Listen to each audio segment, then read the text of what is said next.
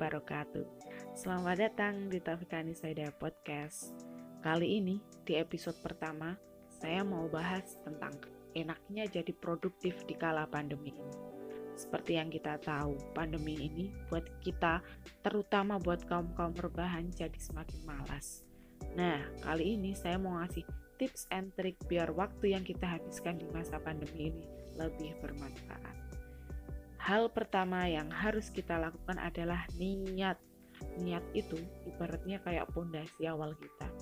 Jadi penting banget nih buat kita bangun dikit demi dikit niat yang ada pada dalam diri kita. Kemudian yang kedua agar rencana produktif kita terlaksana, buatlah lingkaran kegiatan. Terkesan kayak anak SD sih, tapi ini benar-benar membantu kita loh di mana lingkaran ini memuat durasi durasi jam yang akan kita lakukan. Misalnya, jam 5 pagi sampai jam 6 pagi mandi dan cuci baju. Jam 6 pagi sampai jam 6.45 masak dan makan. Kemudian jam 6.45 pagi sampai jam 7 pagi persiapan buat. Nah, seperti itulah kira-kira. Kemudian yang ketiga, cara yang selanjutnya adalah beri batasan waktu saat kita pakai HP karena kayak yang kita tahu bahwa HP ini salah satu barang yang buat kita jadi males-malesan nggak ngapa-ngapain dan nggak produktif.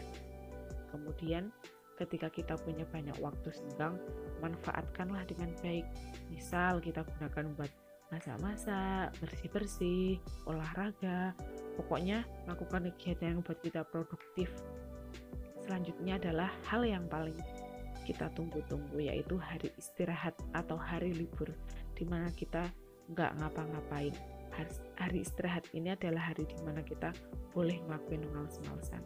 Tapi males-malesan yang dimaksud bukan berarti males-malesan yang dalam sehari nggak ngapa-ngapain ya. Kita tetap melakukan kegiatan sehari-hari tapi ngelakuinnya dalam mode sleep misal nih biasanya jam 5 pagi nyuci bolehlah kita undur jam 8an baru kita nyuci. Kemudian kita bolehlah tidur lebih lama jadi bangunnya agak siang dari biasanya. Dan di hari libur ini gunain waktunya untuk benar-benar rileks dari apa pun dari tugas kuliah sekolah sekalipun.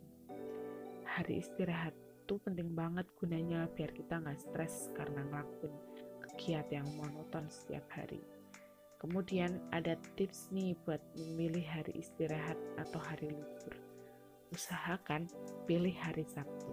Karena kalau kita pilih hari Minggu, biasanya malas-malasannya akan berlanjut sampai hari.